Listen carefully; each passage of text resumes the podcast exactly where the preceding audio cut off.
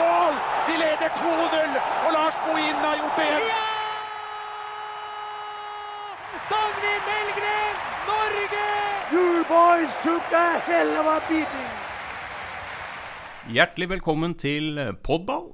Det er lenge siden sist vi hadde sending, men det er 8. mars. Og da er det på sin plass å finne fram mikrofonene og snakke litt om kvinner i fotballen. Like muligheter, og at vi trenger deg som er jente eller kvinne, til å engasjere deg aktivt i norsk fotball. Gratulerer med dagen, alle kvinner.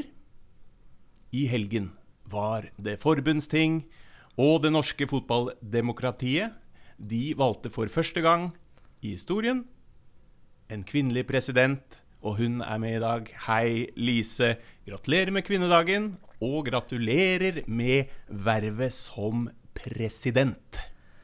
Tusen hjertelig takk. Hvordan føles dette? du, jeg føler meg som samme person. Det viser seg at Lise før styreledervervet var som Lise etter, men, men det var en veldig spesiell dag.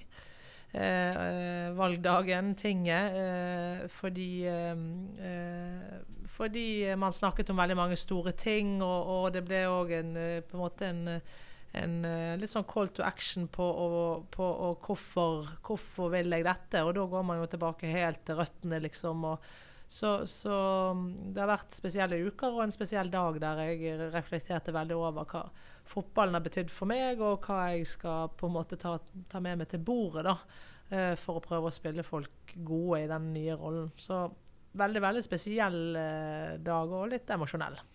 Ja, og du gruet deg litt til helgen, vil jeg tro? Kjenner jeg deg rett? Ja, sant. Korrekt.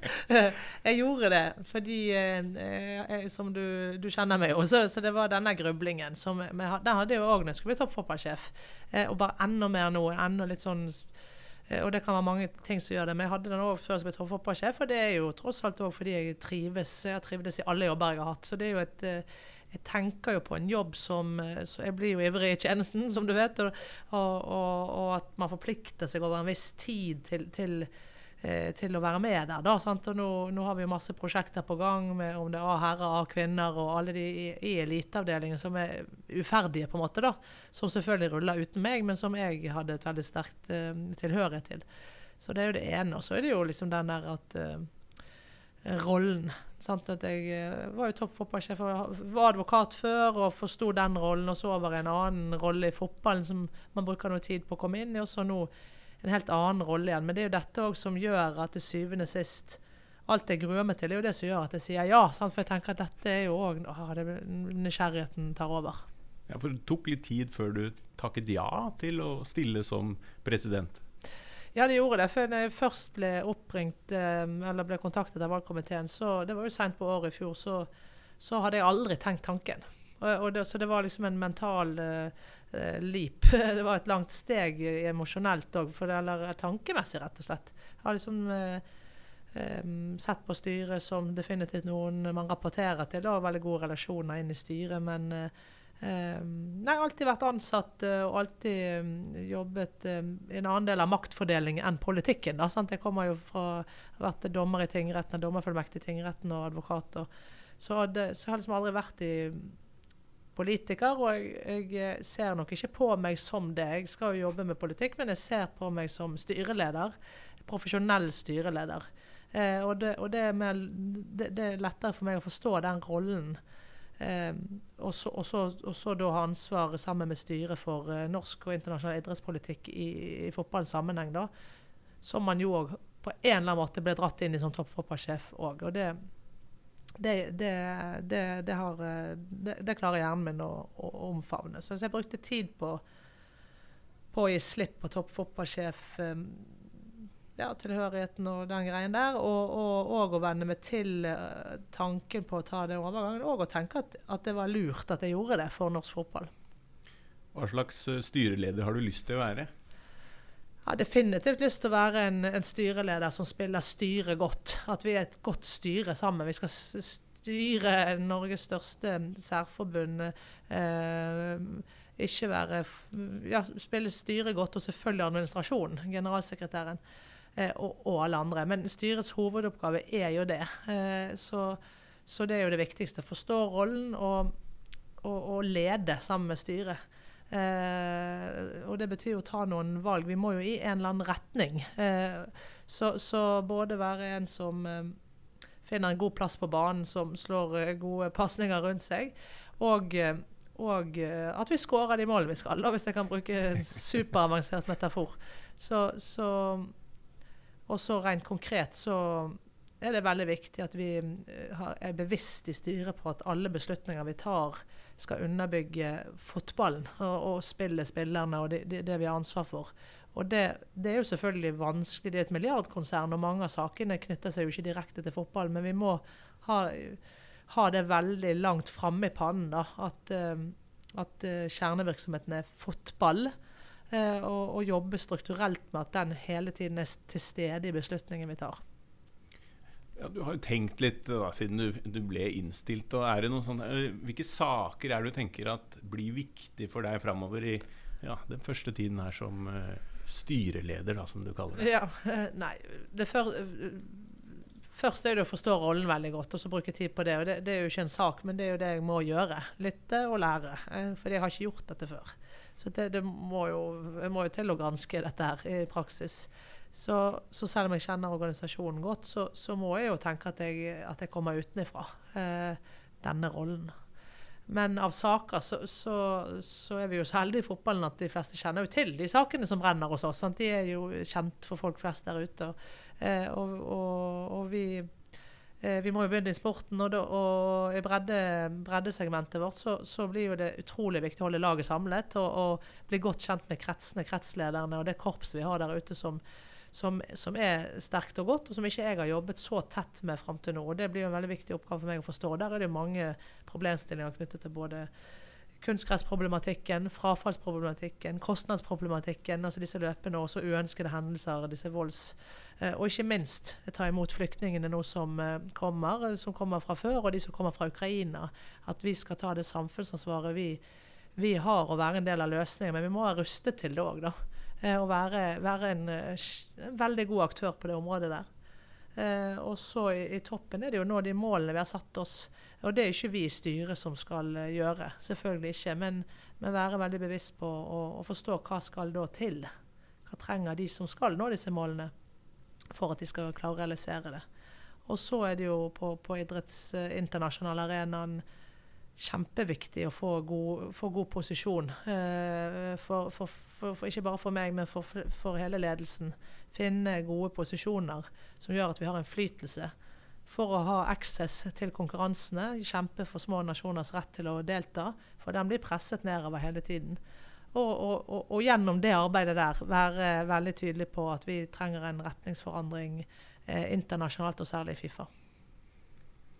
Så er det jo sånn at jeg vet at du, du ønsker jo sammen med forbundet at det er flere kvinner eh, som skal eh, ta en aktiv del eh, i, i, både som spillere, som, eh, som eh, i verv og andre roller. Hvorfor er det viktig for NFF og, og deg? Det er kjempeviktig, for vi har en visjon som heter 'fotball for alle'. Og, eh, og vi er Norges største idrett for gutter og jenter. Kvinner og menn. Eh, og, og, fotball er den største idretten for kvinner og menn ute i verden. Eh, og når man har en sånn visjon, man er alle steder, på plass i skolegårder, eh, på plass eh, overalt, egentlig, på alle TV-skjermer, så, så, er vi noe annet enn ballett og boksing, som er fantastiske idretter òg, men som, som, som, er mer nisjepreget. Det, er ikke, det er ikke sånn at liksom, den velger deg, det er barna som velger den, eller familien har en interesse i den retningen. Fotball er overalt. Og, og, og, da må vi være veldig nøye på at, at vi møter eh, sønner og døtre med akkurat samme respekt og muligheten til, til å få selvtillit. og hvis vi, hvis vi, har strukturer og systemer som gjør at det er veldig mye mer verdt å være på ene siden, som vi har, så vil det påvirke. og det kan òg påvirke barna våre. En, og, og guttene. Så det er ikke noe bedre for de. Så, så det, det, det, da er vi over i Hvis vi ønsker å ha en sånn politisk visjon, da, at det skal være for alle, vi skal være til stede strukturelt alle steder, så forplikter det at vi kan ikke ha økende forskjeller, og det, det har vi jo. Så, så det dilemmaet, Men samtidig skal vi konkurrere sant, og prestere. Så det dilemmaet der og den flerdimensjonale inngangen For vi kan liksom ikke bare bli et eh, likestillingsdepartement der vi bare tar fra ene sin og gjør det likt, og så konkurrerer ingen godt. Så det dilemmaet der må vi må rett og slett prøve å være en aktør internasjonalt uh, som prøver å endre dette her, sakte, men sikkert. da. Uh, så jeg mener det er veldig viktig. Og så er det selvfølgelig konkurransekraften vår i, i seg sjøl. At, uh, at um, det, Jeg tror det er det Hvem var det som sa det at det var the, Før var det liksom the nice thing to do. Det var hun fra Uefa. Sant? Og så var det the right thing to do, og nå er det the bright thing to do. Altså det, det, er, det, er, det blir krevd rundt oss eh, å få mødre som kjøpegruppe, da, sant? altså gå inn og investere i fotballen som er en stor gruppe, og få jenter og kvinner på tribunene og selvfølgelig i lederposisjoner, vil være nødvendig for at vi skal kunne svare ut de, de politiske øh, oppgavene og, og, de enorme oppgavene vi står overfor i hele samfunnet og fotballen. Ja, På tinget så snakket du litt øh, om like muligheter til å oppnå drømmer. Hva, hva la du i, de tingene du sa på, på, på tinget nå i helgen? Ja, og det sa jeg på vegne av et, et samlet fagmiljø fra, fra, fra mitt, tidligere, eh, min tidligere jobb som toppfotballsjef. Og, og, en analyse vi har gjort sammen med NTF og TFK, altså Norsk Toppfotball som er ligaforening på herresiden, og Toppfotball Kvinner som er ligaforening på kvinnesiden. Og Der har vi jo gått inn og sett på hva skal like muligheter i toppfotballkonteksten bety. Hva, hva, hva er det, liksom? Eh, og, og, vi har prøvd å ha ja, så, så, sånn vi har en faglig tilnærming til det. Eh, og så, så, kan jo politikk og andre leve rundt, men hva er det vår anbefaling inni det? Og da, eh, da landet vi, tok vi utgangspunkt i at vi er nødt til å ha en flerdimensjonal tilnærming til det, men som orker å være kompleks. Eh, fordi fordi vi skal prøve å skape like muligheter i, i en verden der, der, ulikhetene er veldig stor, og der eh, kjernen av det vi driver med, er konkurranse. Så forskjellen mellom kvinner og menn i Norge den er veldig veldig stor.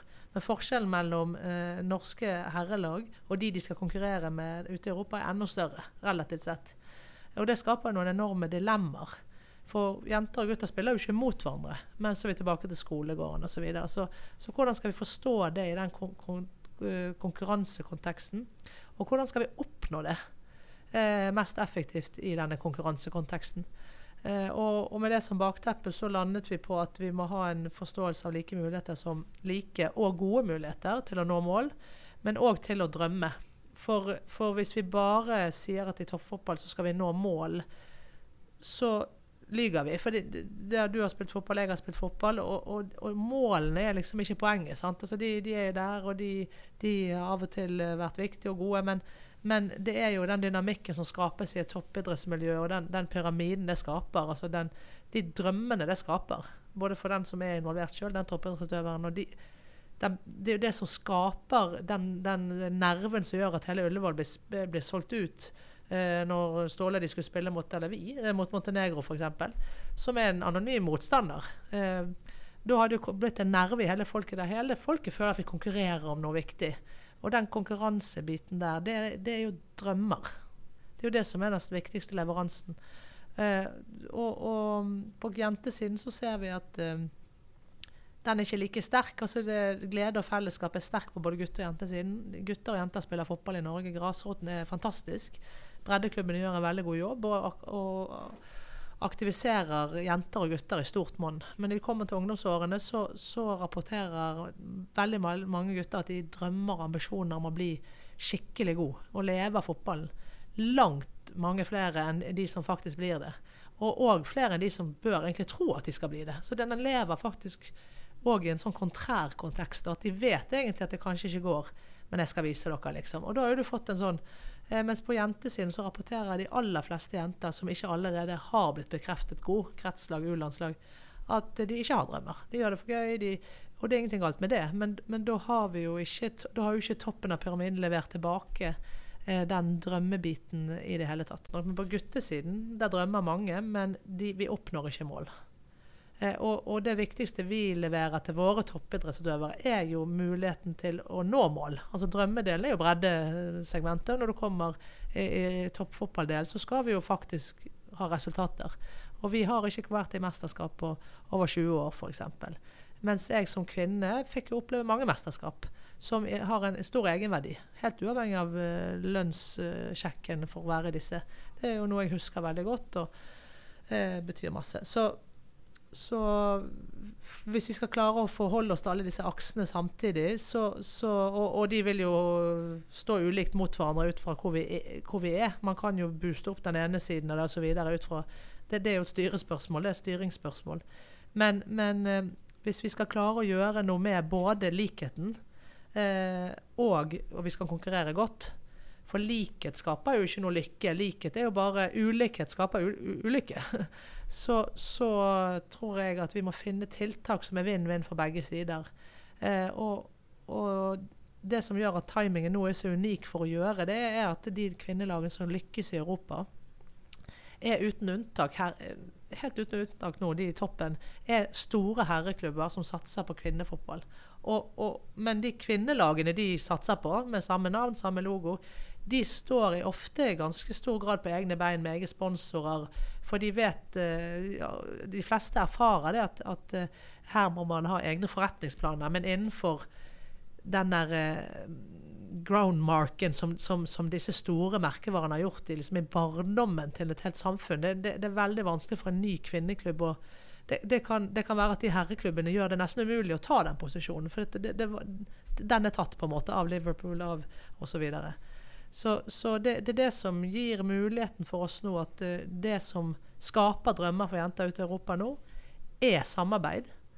Og i Norge så er det måten vi jobber på. Uh, og, og, vi kan ikke stå igjen på perrongen når det nå skjer en, en, en, profesjonalisering i Europa via samarbeid, herre-kvinnesiden, i en sånn likestillingskontekst, egentlig, det bør vi kunne konkurrere godt på. Så, så hvordan skal vi få uh, Selvfølgelig ta vare på de rene kvinnelagene vi har, som har vært uh, en, enorme i alle disse årene og bært, stått gjennom alt, egentlig. Men skal vi ut i Europa og ha mål å skape liksom, sånne drømmer, med flomlys, Champions League, internasjonale helter, så, så er trenden Det er en kjensgjerning at det er store herreklubber som satser på kvinnefotball, som, som, vil være det store bildet. Og hva er da de tiltakene som vi gjør som eskalerer den utviklingen, som gjør den eh, selvforsterkende, sånn at kvinnedelen av det blir sterkere og sterkere? osv. Hva er de tiltakene der? Og Det er jo det vi, vi må prøve å, å, finne ut. Og Når vi finner ut hvilke tiltak det er, så er det jo hvordan man skal trykke på for å få de. Er det gulrot, pisk? Eh, og, og, ofte er det jo en, eh, en kombinasjon. Det aller beste er at det skjer organisk ute i klubbene sjøl. Så du snakker altså om en profesjonalisering som må til på, på egentlig både herre- og kvinnesiden. Eh, men så er det også eh, muligheten for å gjøre karriere. Eh, mangler man eh, for, altså, Er det nok forbilder eh, i norsk fotball på kvinnesider? På, på kvinnesiden? Eh. Nei, Nei det, det, mener vi òg er veldig viktig for at vi skal få disse drømmene. Så må for det første jentene møte en ungdomsalder med, med, med, med en, en ungdomssatsing eh, som hva skal jeg si, oser av ambisjoner. Eh, selvfølgelig trygghet òg, men, men, at er, der, der, møter de trenere som, som, er like opptatt av at de skal utvikle seg, som eh, gutteakademiet ved siden av. Og det er vanskelig å få til når, når uh, vi selger spillere på guttesiden fra Norge fra de er ungdommer. Altså Det ligger et marked der nede i ungdomsårene, og det gjør de ikke på jentesiden ennå. Så det skaper fort forskjell i anerkjennelse og prestisje, og sånn er det jo. Men det er vi nødt til å, å finne tiltak som gjør at det, det løftes. Og så den andre delen av det er definitivt å få kvinner i, i, i posisjoner de kan leve av. Eh, sånn at, sånn at det barna ser, er, er mennesker som som har dette som jobb. Eh, det er en levevei disse barna kan drømme om å, å ta, om det er leder, eh, trenerleder eller, eller, spiller. Og dette er noe du er opptatt av, selvsagt. Det er noe som du går inn som president, som du ikke har lyst til å hete, men som du mm. faktisk eh, er. Og hvis man dykker inn i eh, NFF sin rapport om hvordan det står til, så ser man jo at man har kommet et stykke eh, vei hva gjelder eh, styrer og, og, utvalg. Mens i administrasjonen, f.eks. her i NFF, så er jo kvinneandelen veldig lav. Eh, har du tenkt å gjøre noe med det? Og Du ser også dommer, dommere. Det er veldig få kvinnelige dommere, bare 8% Det er få kvinnelige ledere. Eh, hva kan du tenke deg, og hvordan eh, har du lyst til å, å, gå fram for å gjøre eh, dette mer attraktivt for kvinner da, å delta eh, i roller som dette? Ja, det må vi jo finne, finne, ut sammen, men jeg tror, jeg tror i og med at det, vi er en struktur der, der, det er så mange jenter som er aktivert, og som um, bruker denne idretten og, og, og nyter den, men som, som detter av før det blir profesjonelt, eh, så kan jo det, det har jo over tid vært en selvforsterkende effekt i seg sjøl, det òg. Og, og, det er jo masse dyktige menn som, som tar disse posisjonene. Jeg har jo sjøl ansatt landslagstrenere på de aldersbestemte landslagene flere ganger. Og det er jo definitivt utrolig mange flere mannlige søkere enn kvinnelige søkere. Eh, og de fleste ganger så, så har vi ingen kvinnelige søkere. Eh, så, så, da må man søke opp sjøl. Og vi, vi, har mange veldig dyktige kvinnelige trenere på aldersbestemte på vår jenteside. men det, det, er mange ting man skal og bør gjøre, og vi må finne mer ut av det. Og etter hvert så finner man jo denne selvforsterken som gjør at dette skjer av seg sjøl. Jeg tror ikke vi kommer utenom men dette skal jo ikke være bastant på. Men jeg tror ikke vi kommer utenom å stille krav etter hvert, òg til oss sjøl. Eh, men langt nok fram i tid til at man rekker å på en måte gjøre noe med det. Altså rett og slett stille krav, som Uefa faktisk har gjort overfor oss. Vi er nødt til å ha kvinner i vårt støtteapparat på jentesiden. Hovedtrenerassistent må være kvinne.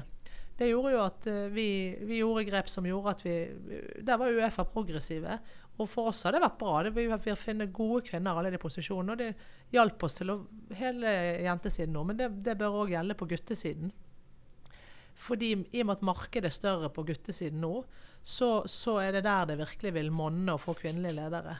Eh, men det må ligge selvfølgelig langt nok fram i tid til at, til at man rekker å få, få rekrutteringen. Og så, så må vilkårene, vilkårene, være gode nok. Eh, det, det, det, det, må rett og slett være lønnsomt for uh, kvinner Eh, det har jo over, for lenge vært sånn at hvis du skal være trener på kvinnesiden, så, så skal jo du Altså det er løvetannbarna, da. For du vet at det, de jobbene du kan få, er toppserien, maks. Eh, og, og, og, og, eh, noen aldersbestemte landslags eh, Altså noen jobber her i Norges Fotballforbund. Altså, ha, det er bare å se rundt seg. Det er ikke jobber for kvinner i det store markedet som hovedsakelig er på herresiden med antall jobber. da, De profesjonelle jobbene. Det er menn som har de. Og det blir jo en selvforsterkende negativ spiral. da. Så jeg tror ikke vi kommer utenom at vi på et eller annet tidspunkt eh, må, må, stille krav til oss sjøl eh, om at vi innen det og det året skal ha minst én kvinne i de og de posisjonene. Eh, og, og, så, og, så, begynne strukturelt å, å, jobbe med dette. Du har jo eh, selv et relativt langt liv i fotballen. oh, pur ung. Yngre enn deg, ikke det? Nei, det er jeg ikke. Det tror jeg faktisk det var det du ser bare. Nei da. Du er jo det er du som er pur ung. Sånn var det. Hvordan starta dette med, med, fotball og deg, egentlig, Lise? Skal vi høre litt? Ja. Du sto der sikkert med en eller annen selektball. Ja, sant. Jeg, husker. ja. ja. det begynte jo, som du vet, veldig individualistisk med meg og denne ballen, da, som, som jeg hadde et veldig spesielt forhold til eh, så, som jeg har tenkt mye på i det siste. Eh, var, så fotball for meg var, preget hele ungdomstiden min og var veldig, veldig avgjørende og viktig i min ungdomstid. Jeg følte jo at det var en, en helt unik eh, jeg, Kanskje jeg følte meg litt ensom i det, nesten, men, men, men at fotballen var min greie i dette. Så, men når jeg ser nå og er involvert i så mange andre sine fotballiv, så jeg, jeg har jo alle sine ulike drivkrefter inn i, inn i spillet eh, som har hatt det som en liksom, livslang kjærlighet.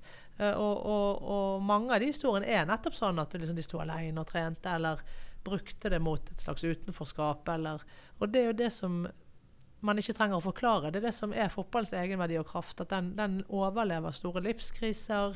Den, den, den, står faktisk Det er selvfølgelig ikke viktigere enn en, du, du, klarer ikke å sette det opp mot liv og død på noen måte, men den har en helt, eh, helt urokkelig egenverdi mot de størrelsene. For den, du, du, går på fotballtrening og syns det er verdifullt i store livskriser, når familiemedlemmer er syke, eh, rett før du skal dømmes til noe i, i tingretten.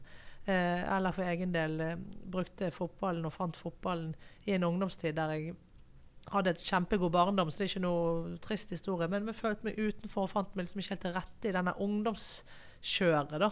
Eh, Syns alle begynte å oppføre seg annerledes og, og, mye teitere, egentlig. Og jeg var liksom ikke med på den der Jeg var liksom både for uh, moden og for barnslig, på en måte. Og da, og da, da, da ble det meg og ballen. Time etter time.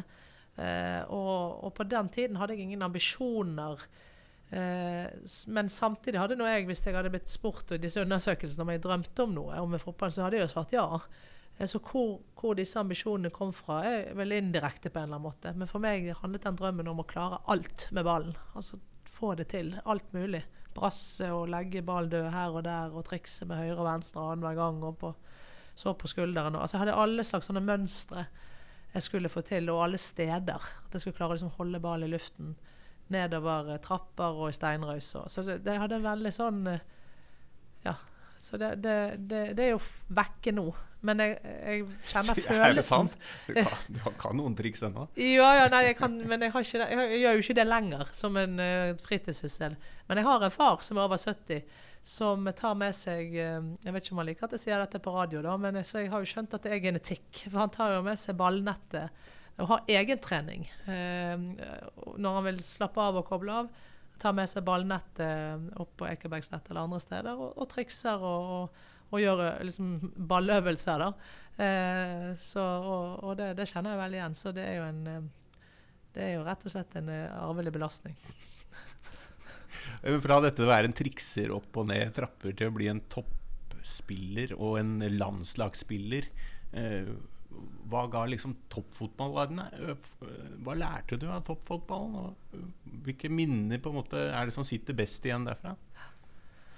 Jeg lærte utrolig masse av det, men man lærer jo masse i de årene, selvfølgelig. Og mitt liv foregikk jo veldig mye på fotballbanen. Men, men det, det, var enormt smertefull overgang fra, fra liksom garasjen, der jeg trente veldig mye. Jeg hadde jo veldig mye sånne ideer om for Triksing var én ting, men jeg hadde òg veldig mye sånne ideer om føre. Jeg skulle føre rundt og ditt. Og, altså hadde veldig sånn mønstre jeg skulle få til.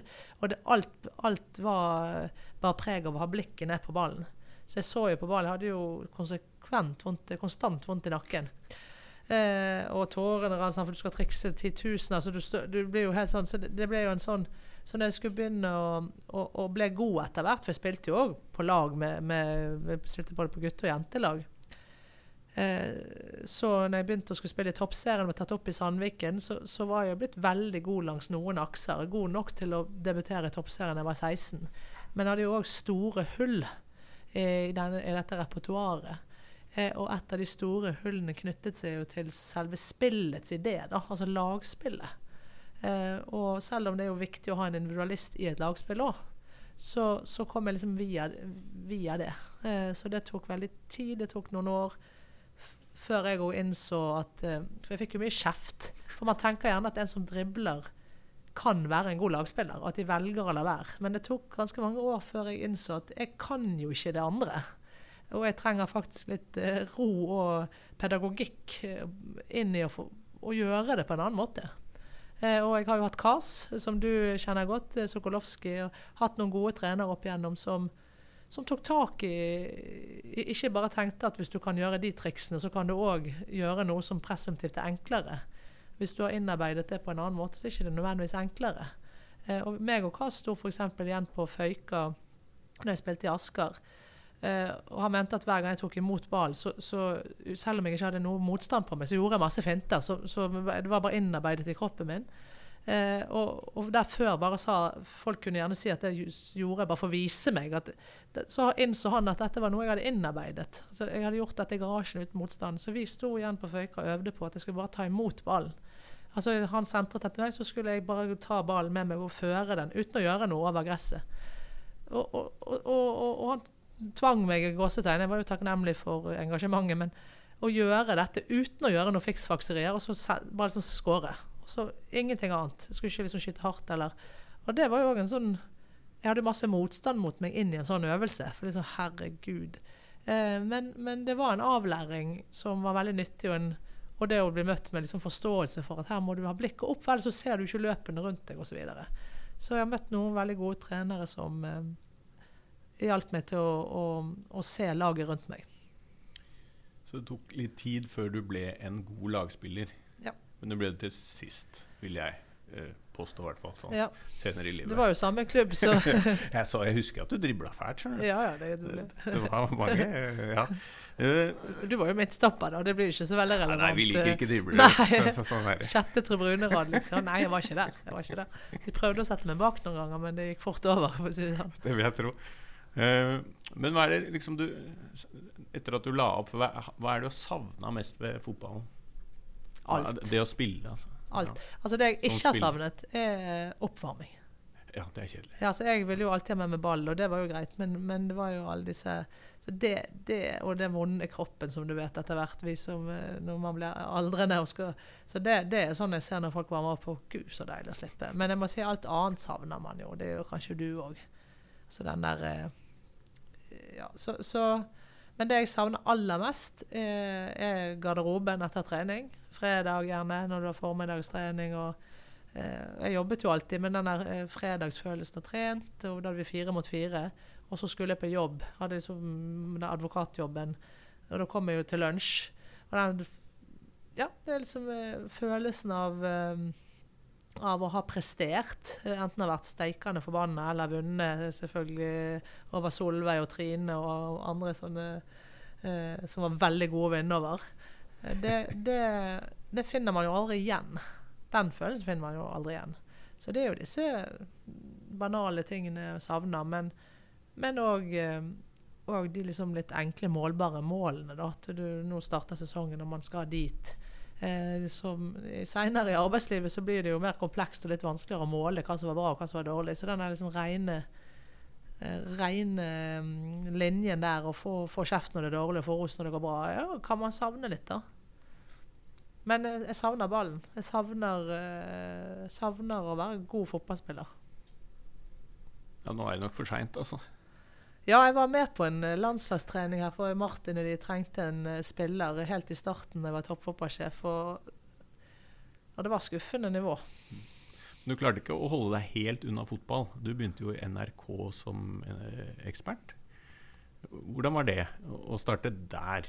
Eh, Altså, jeg eh, jobbet jo i Fotballekstra i TV 2 eh, ved siden av fotballen. Jeg ble bedt om det ti år før det igjen. Så jeg har liksom vært på ulike Og det gjorde jeg et par år. Og så ble jeg, har jeg vært med i NRK noen år òg. Kommentert kamper på mm, både herre- og kvinnesiden. Eh, mange, mange ganger før jeg begynte i NRK. Så det, det var ikke noe det var ikke noe, det som var forskjellen når jeg la opp fotball og begynte i NRK, var jo at det, da ble det en sånn, sånn fast bijobb. Da, var- da var jeg eh, sammen med Tom Nordli den gangen, da, før du kom rekende på en fjøl etterpå. Eh, som du følger etter meg alle jobber. Så nå, Jeg følger etter deg. ja, ja, jeg skal se. Nevne det for valgkomiteen.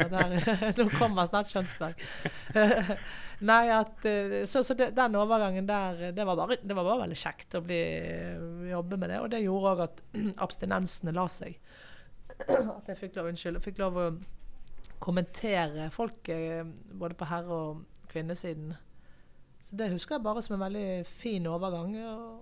Folk mener jo mye om kommentatorer og sånn, men, men eh, den andre omgangen i NRK etter at jeg har hatt denne forhistorien i TV 2, og den eh, ble jo mye mindre sånn at du hetsete. Og, altså, jeg opplevde at det var, verden hadde kommet mye videre, da. Og så begynte du i NFF. Eh, hva har du lært liksom som, som, om NFF fram til i dag? Og hvordan har dere jobbet i Hvordan har den jobben liksom vært den, det første møtet med NFF liksom i, i, i, ja, i starten der? Ja. Eh, jeg har jo, siden jeg har vært aldersbestemt landslagsspiller og kretslagsspiller, så, så har jeg alltid Jeg føler jeg, fra, fra 14-15-årsalderen så har jo jeg har jo Norges Fotballforbund vært en stor del av livet mitt. Eh, og det har jeg tenkt mye på de siste dagene, eh, hvor stor denne bevegelsen er. da, eh, og, og Norges Fotballforbund, hvor mange ting det er. Eh, Når, når uh, Logoen har jo vært den samme, den har kanskje byttet òg, men, men uh, hvor, mange ting vi driver med, altså hvor mange steder vi er til,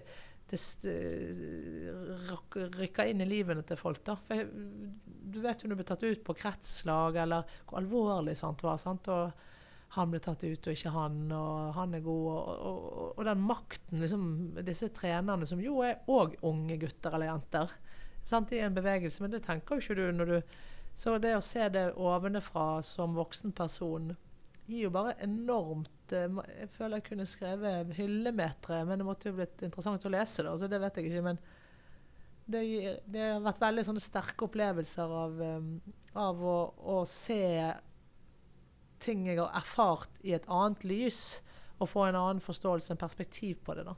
Så jeg vil jo først og fremst si at jeg har møtt en, en bevegelse inne på Ullevål og ute i kretsene som, som er, er, vel så dedikert som det du var som spiller. Da. At folk er veldig stolt av å jobbe i fotballen og veldig lidenskapelig inn i jobben sin. Noe som uh, skaper òg uh, mye energi, og som i mange sammenhenger gjør at vi dytter liksom samme skap inn og ut samme dør. på en måte. Da. Altså det, det, det er viktig å ha en retning på ting. Men jeg har lært enormt uh, mye. Jeg har gjort masse feil. og Lært veldig mye av mine kolleger. Uh, og, om, og, om, hva toppfotball er. Jeg trodde jeg visste det når jeg kom inn, men de marginene trenere leter etter, har jo ikke, jeg har ikke vært trener. Uh, og hvordan de jobber, og hvor tøff den jobben der kan være. Jeg har jo også, jeg representerte jo trener i Trenerforeningen. Det var jo vår faste klient når jeg var advokat, så jeg jo, vet jo hvor tøft trenere kan oppleve det å bli sagt opp, f.eks. Så jeg har hatt et bevisst forhold til den delen. Men, men eh, jeg har blitt veldig glad i trenergruppen da, eh, og det, det yrket der. og Det må være en av de tøffeste jobbene å ha. Eh, for den lederjobben er så kompleks og så live. Du skal liksom fatte avgjørelser mens du går. Så kunne, Vi får ha et eget program om uh, hva jeg har lært i NFF, uh, og, og, og, og, det å være leder i NFF. Da. Men det, det, er, det, er, forening, forvaltning, forretning, frivillighet, konkurranse. Det er nasjonalt, det er internasjonalt, det er regionalt, lokalt. Det er sport, idrett, konkurranse og, og, og, og politikk. Så, så det, og det er over hele landet vårt og liksom går utover landegrensen. Så den kompleksiteten Ikke det at hver ting er så vanskelig, altså det, men den kompleksiteten som veldig mange funksjoner håndterer egentlig samme sak som bare blir tråkket ut liksom som en sånn parodisk størrelse gjerne i mediene. altså Du tar en eller annen piksel av et større bilde. Det, det har vært uh, veldig interessant å erfare. da. Det er ikke rakettforskning. altså Det er ikke, det er ikke sånn at det detter ned raketter fra himmelen hvis vi gjør feil. Men det er, det er kompleks um, Det er en veldig kompleks bevegelse. Um, som uh, er veldig veldig gøy å være en del av, og utrolig utmattende noen ganger. Så jeg føler på en sånn veldig motivasjon til, til å, å, komme med noe til bordet. Da, og, og at, vi, at, vi, som sitter øverst på, på en eller annen måte, er åpne, veldig folkelig, møter den tonen vi skal ha. Vi, det, vi alle, ingen er bedre altså vi, vi, Du passerer de samme på vei opp som du skal passere på vei ned. Altså det, dette vet vi. Vi har spilt kamper. Samtidig som vi må være utrolig profesjonelle, da. Eh, og det er en øvelse. Altså at uh, både, både, være på gresset, møte folk, samtidig som det må være systemer og en dønn profesjonalitet, sånn at det blir forutsigbart nok for, for alle de som skal være ute i linjen. Så nå føler du deg så klar til å starte arbeidet som president. Vi har fått inn et spørsmål her som, som lurer hva, hva gjør egentlig en president? Hvordan er arbeidshverdagen din nå framover? Si det! ja, nei, det, det, er jo det jeg må finne ut. Og det blir jo utrolig viktig at jeg finner den rollen. Men, men en president er jo en styreleder, da, så den leder jo styret i Norges Fotballforbund. Og Norges Fotballforbund er jo mange ting. Men Norges Fotballforbund består jo av eh, hva var det da, 23 Eh, enheter. Altså det er jo Ullevål her, 18 kretser. Eh, og datterselskaper. Idrettens helsesenter, Ullevål stadion, Meet osv. Så, videre. så Så det er jo stor, et stort konsern som òg er landsdekkende. Eh, så det er jo å, å, være styreleder for denne økonomien, eh, denne virksomheten. Eh, og jeg er jo en profesjonell styreleder, så dette er jo jobben min. Det er et fulltidsverv. Eh, så det er den styret. Å være strategisk leder, ikke blande selvfølgelig inn i administrasjon, men være leder for generalsekretær og, og, og være strategisk, på et strategisk overordnet nivå for, for de tingene vi har vedtatt i vår, i vår handlingsplan. Da. Det er jo styrets oppgave. Eh, og så er det jo internasjonal idrettspolitikk, norsk idrettspolitikk, og så er det jo å representere. Eh, eh, rollen innebærer jo òg det. Eh, og så finne en god balanse mellom disse. Så jeg tror det blir nok å drive med. Lise, enten du vil det eller ikke, så er nok du et forbilde eh, i norsk fotball. Eh, kunne du prøve å komme med et, eh, et tips eh, til jenter eller kvinner som ønsker seg en karriere eller en rolle i, i, i fotballen? Ja, det skal jeg prøve på. Jeg, tenker at um, Det gjelder for gutter og jenter, da, men at uh, for meg funker det i hvert fall godt å tenke at uh, alle gjør feil. Alle gruer seg til, til vanskelige ting. jeg gjør i hvert fall det. Og, men, men, å ha denne innstillingen at de som får til noe, er de som ikke gir seg. Altså Det høres litt sånn klisjéaktig ut, men å være en sånn Tenke at det, det kan jeg gjøre. Altså jeg kan jeg kan være en sånn som ikke gir meg. Jeg kan være en sånn som, som lærer av de feilene jeg har gjort. Og da blir liksom feilen òg kanskje ikke der og da, men en bra ting. Altså Etter hvert, i hvert fall. Så for meg det, har det vært veldig motiverende. Og Det er jo et råd jeg fikk en gang. At uh, vær, vær, vær, en sånn person som ikke gir seg, som er der når det uh, stormer og regner. Den kan du være. Uh, men feil kommer vi alle til å gjøre. Og så syns jeg eh, Jeg, jeg syns noen ganger at det er en superkraft å, å forholde seg til eh, problemer med å ikke tenke at uh, noen, noen, vil det noe vondt. Altså det, det Strukturer kan være negative. Du kan være, være, en del av et system der kvinner ikke får samme plass. Men det, det, jeg, tenker, jeg, tenker, aldri at det gjør at du, fordi du er mann, så du, har du noe mer skyld i det enn meg. Altså vi, dette, sånn er det, og vi må prøve å løse det sammen. Og det sparer meg for mange konspirasjoner. da gir energi.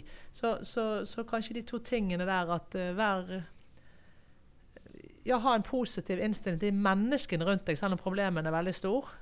Og så når du kjenner at det negative kommer, så, så som det gjør av og til. Det, sånn, hvorfor sa han det, eller hun, eller eh, Men jobb det vekk. Altså, det er ikke noe god kraft. Og så vær en sånn som ikke gir deg. Lise, El Presidente, takk for at du ville prate med meg. Eh, jeg ønsker deg lykke til da, som styreleder. Eh, nok en gang gratulerer med vervet.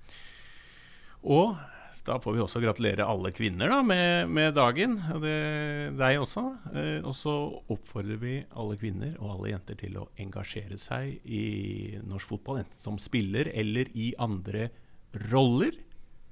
For det trenger vi i norsk fotball. Amen. Ha det bra. Ha det bra. Ja!